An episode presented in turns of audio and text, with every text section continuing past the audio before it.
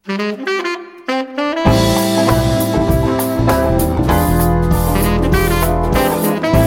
თვალი დაკავებული გაქვთ და საკითხავად არ გცალიათ, ან თუ ჩემსავით სათვალეს ვერ პოულობთ, ან და თუ უბრალოდ მოგენატრათ თვალების დახუჭვა და სხვების მიერ მოთხრობილი საინტერესო ამბებისთვის ყურის მიგდება, მაშინ ეს პოდკასტი თქვენთვისაა. გამარჯობა. თქვენ უსმენთ რადიო თავისუფლების პოდკასტს მოლაპარაკე ტექსტებს. მოლაპარაკე ტექსტებს. მე ბიძინა რამიშვილი გახლავართ. აქ მოქმედი პირები არიან ტექსტები, რომლებსაც რადიო თავისუფლების ვებსაიტზე ვარჩევ თქვენთვის კვირაში ერთხელ და მათ მოსათხრობ ამბებად ვაქცევ ხოლმე.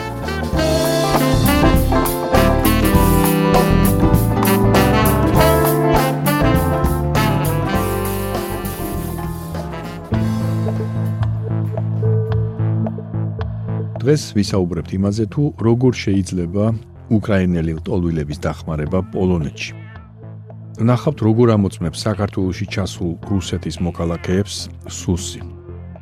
და მოგასმენინებთ ნაწყვეტებს მწერალ ვიქტორ შენდეროვიჩის ინტერვიუდან, რომელშიც ის საუბრობს დღევანდელი რუსეთის სახეზე.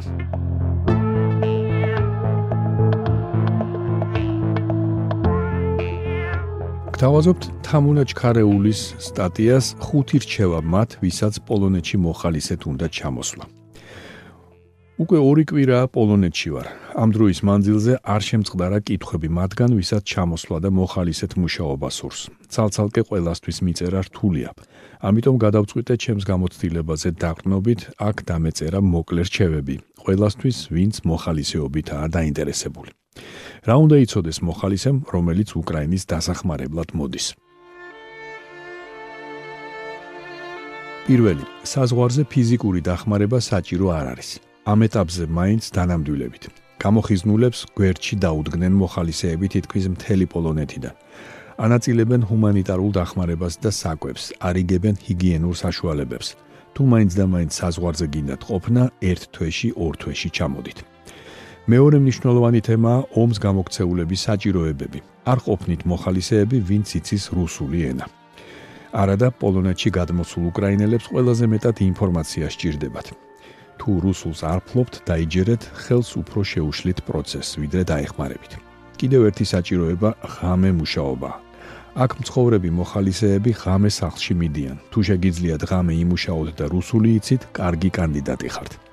თუ გაქვთ სპეციფიკური პროფესიული ცოდნა, მაგალითად რუსულად მოლაპარაკე ფსიქოლოგი ხართ, ესეც ძალიან გამოსადეგია.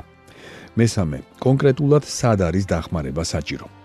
ყველა მოხალისე საზღვარს მიაწყდა. არადა, იქ დევნილები 1-2 დღე თუ დარჩებიან და მალევე ნაწილდებიან ძირითადად კრაკოვსა და ვარშავაში. სადგურები და თავშესაფრები სავსეა და რუსულის თუ ინგლისურის მწოდნე ყველგან საჭიროა. პოლონეთში ბევრი უძრავი ქონება არ არის. ვარშავა იმდენად გადავსებულია, რომ უკვე ფიქრობენ ხალხი პატარა ქალაქებში გადაიყვანონ, სადაც სიტუაციის მართვა უფრო მარტივი იქნება. მეოთხე. კარგად გაიაზრეთ რა ხარჯები გელოდებათ. ყველა ხარჯის დაფარვა თავად მოგიწევთ. ჯერჯერობით არ არსებობს არავითარი მოხალისეთა ცენტრი, სადაც ვიღაც დაგაკვალიანებთ, გაჭმევთ და გაცხოვრებთ. რატომღაც ყველას ასე ჰგონია. საზღვართან ღამის გასათევის პოვნა თითქმის შეუძლებელია.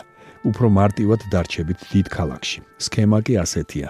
ჩადიხართ, მიდიხართ ყველაზე დიდ სადგურში, რეგისტრირდებით დახლთან და იწყებთ საქმიანობას. ინსტრუქციებს ნურავისგან დაელოდებით. აქ ხელმძღვანელობა არ არის.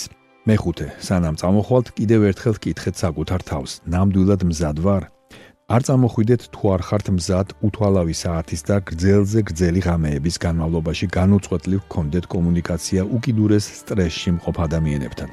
თუ არ ხართ მზად, რომ უსასრულო მოთმინებით მიუდგეთ საქმეს, აჯობებს უბრალოდ თანხა გადარიცხოთ რომელიმე ფონდში. ამას იმიტომ ვამბობ, რომ ჩემ თვალწინ ბევრი საყვარელი გულთბილი მოხალისე ერთ ღამეში გაღიზიანებულ გადამწვარ ადამიანად გადაიქცა, რომელიც ლტოლვილებს წვრილმანებზე უყვირის, რა არის აქ გაუგებარიო. მოხალისეობა მარათონია, საკმაოდ რთული და საპასუხისმგებლო საქმე, რომელსაც ფიზიკური და მორალური მზაობა სჭირდება.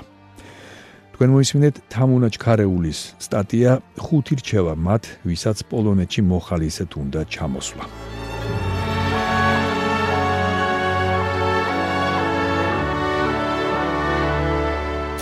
თქვენ უსმენთ პოდკასტს მოლაპარაკე ტექსტებს.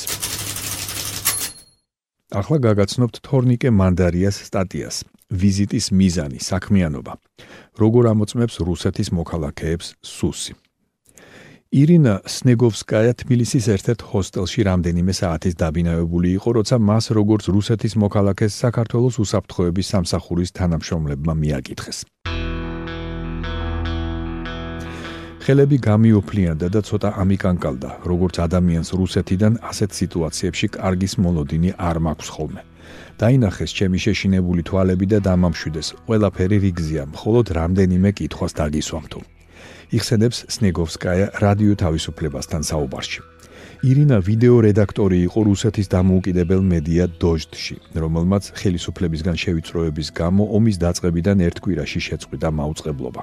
ოფიციალური ინფორმაციით, უკრაინაში ომის დაწყების შემდეგ საქართველოში რუსეთის 20-25000-მდე მოქალაქე ჩამოვიდა. ხელისუფლება ამტკიცებს, რომ რუსი მიგრანტების ნაკადი არ განსხვავდება ქვეყანაში გასულ არაპანდემიურ წლებში შემომსვლელთა რაოდენობისგან. საქართველოსი უძრავ ქონებაზე რუსეთის მოქალაქეების მზარდი მოთხოვნის პარალელურად ქართულ საზოგადოებაში მოიმატა მღელვარება პოტენციურ საფრთხეებთან დაკავშირებით.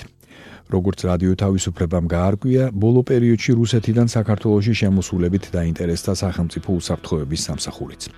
ამ უწყების თანამშრომლები მიდიან ჰოსტელებსა და სასტუმროებში, სადაც რუსეთის მოქალაქეები ეგულებათ. საერთოა კითხვებიც: სახელი, გვარი, დაბადების თარიღი, ასევე ვიზიტის მიზანი და ხანგრძლივობა, საქმიანობა. ამოწმებენ სოციალურ ქსელებსაც. სუში კი აცხადებენ, რომ უცხოელების ნაკადის გაკონტროლება სტანდარტული პროცესია. მე თვითონ უკრაინაში დავიბადე. აბსოლუტურად არ ვეთანხმები ხელისუფლებას და იმას, რაც ხდება.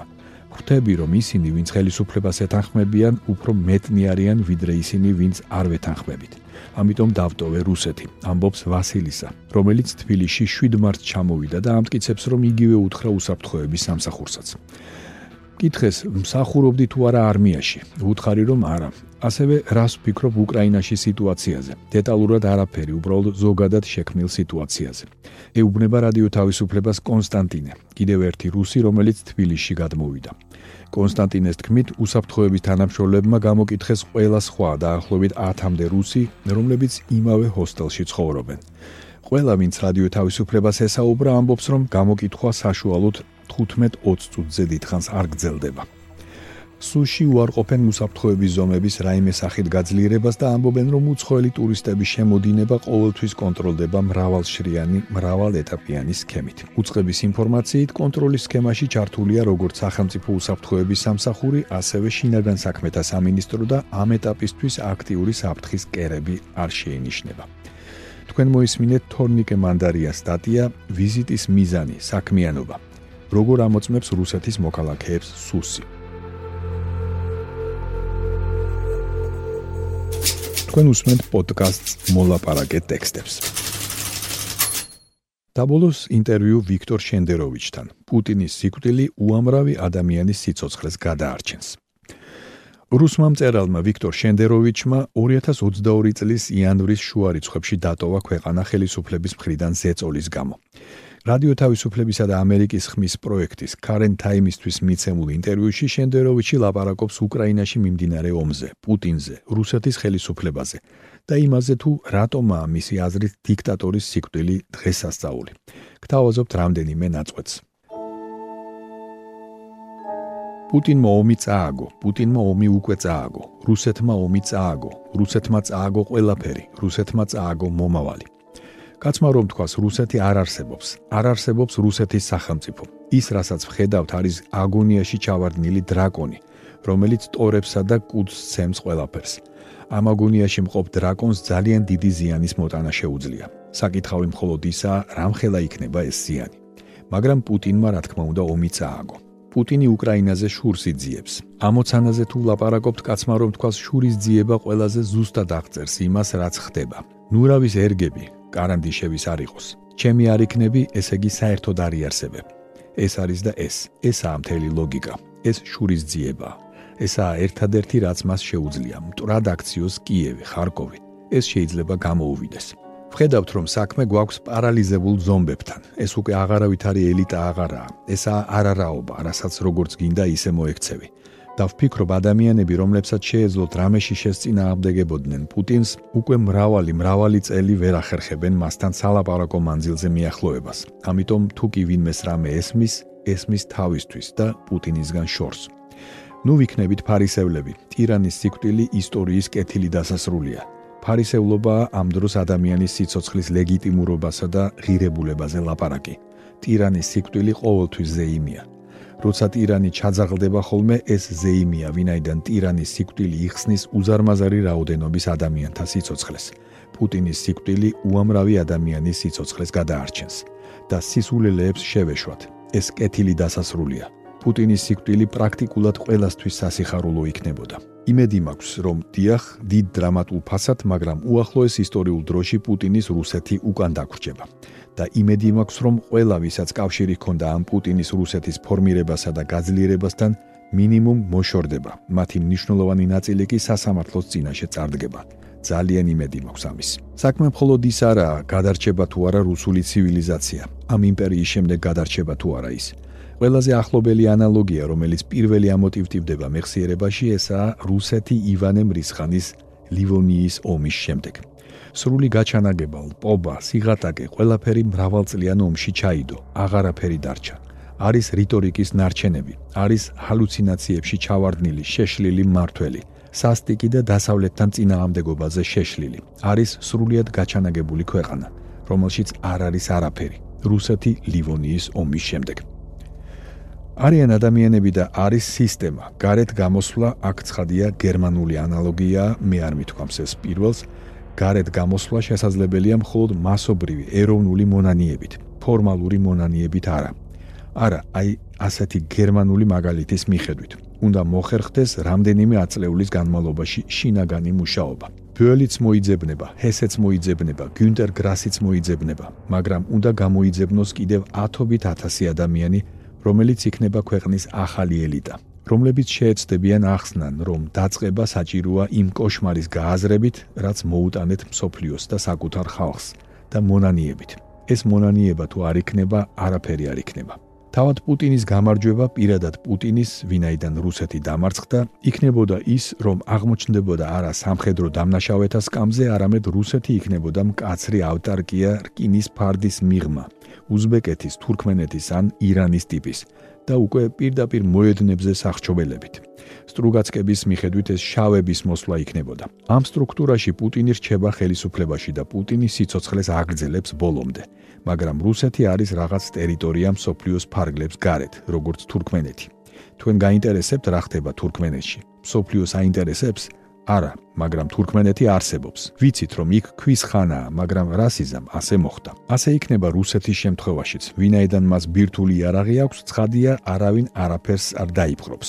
უბრალოდ პერიმეტრზე ჩამოაჭრიან მიწებს და მაკდონალდსის შემდეგ, ჯანდაბას ეს მაკდონალდსი, ხალხი გამოვა, წავა, არ იქნება არავითარი ფული. იქნება ნატურალური მეურნეობა, თურქმენეთი. დღეს ასე გამოიყურება პუტინის გამარჯვება. პუტინის გამარჯვება იმაში მდგომარეობს, რომ ის ბრალდებული სკამზე არაა და ცოცხალია. დღეს პუტინს არავითარი სხვა გამარჯვება არ მოეპოვება. უახლოეს ხანებში მოგველის სასახლის გადატრიალების ესა თუ ის ფორმა, ანუ როცა პუტინი აღარ იქნება და ადამიანი, რომელიც პუტინის შემდეგ მოვა, ბუნებრივად მიმართავს დასავლეთ და იტყვის: მოგვეცით საკვები, რამე მოგვეცით, საკვები, ინვესტიციები. ჩვენ გამოვწორდებით და ჩვენ დავიწყებთ ყირიმის დონბასის მიცემას საკვების სანაცვლოდ. შეიცვლება პოლიტიკა. ეს ერთი ვარიანტია, მაგრამ ეს მოხდება მხოლოდ რაიმე სასახლის გადატრიალების შედეგად. ამ თვალსაზრისით პოლიტიკური პერსპექტივები კარგია. ისინი დამარცხდნენ. საკითხავი მხოლოდ ისა, რამდენი სიცოცხლე უნდა გაიღოს უკრაინამ ამისთვის და რა სახის ნგრევა. თქვენ მოისმინეთ ვიქტორ შენდეროვიჩთან ინტერვიუ, მისი სათაურია პუტინის სიკვდილი უამრავი ადამიანის სიცოცხლეს გადაარჩენს.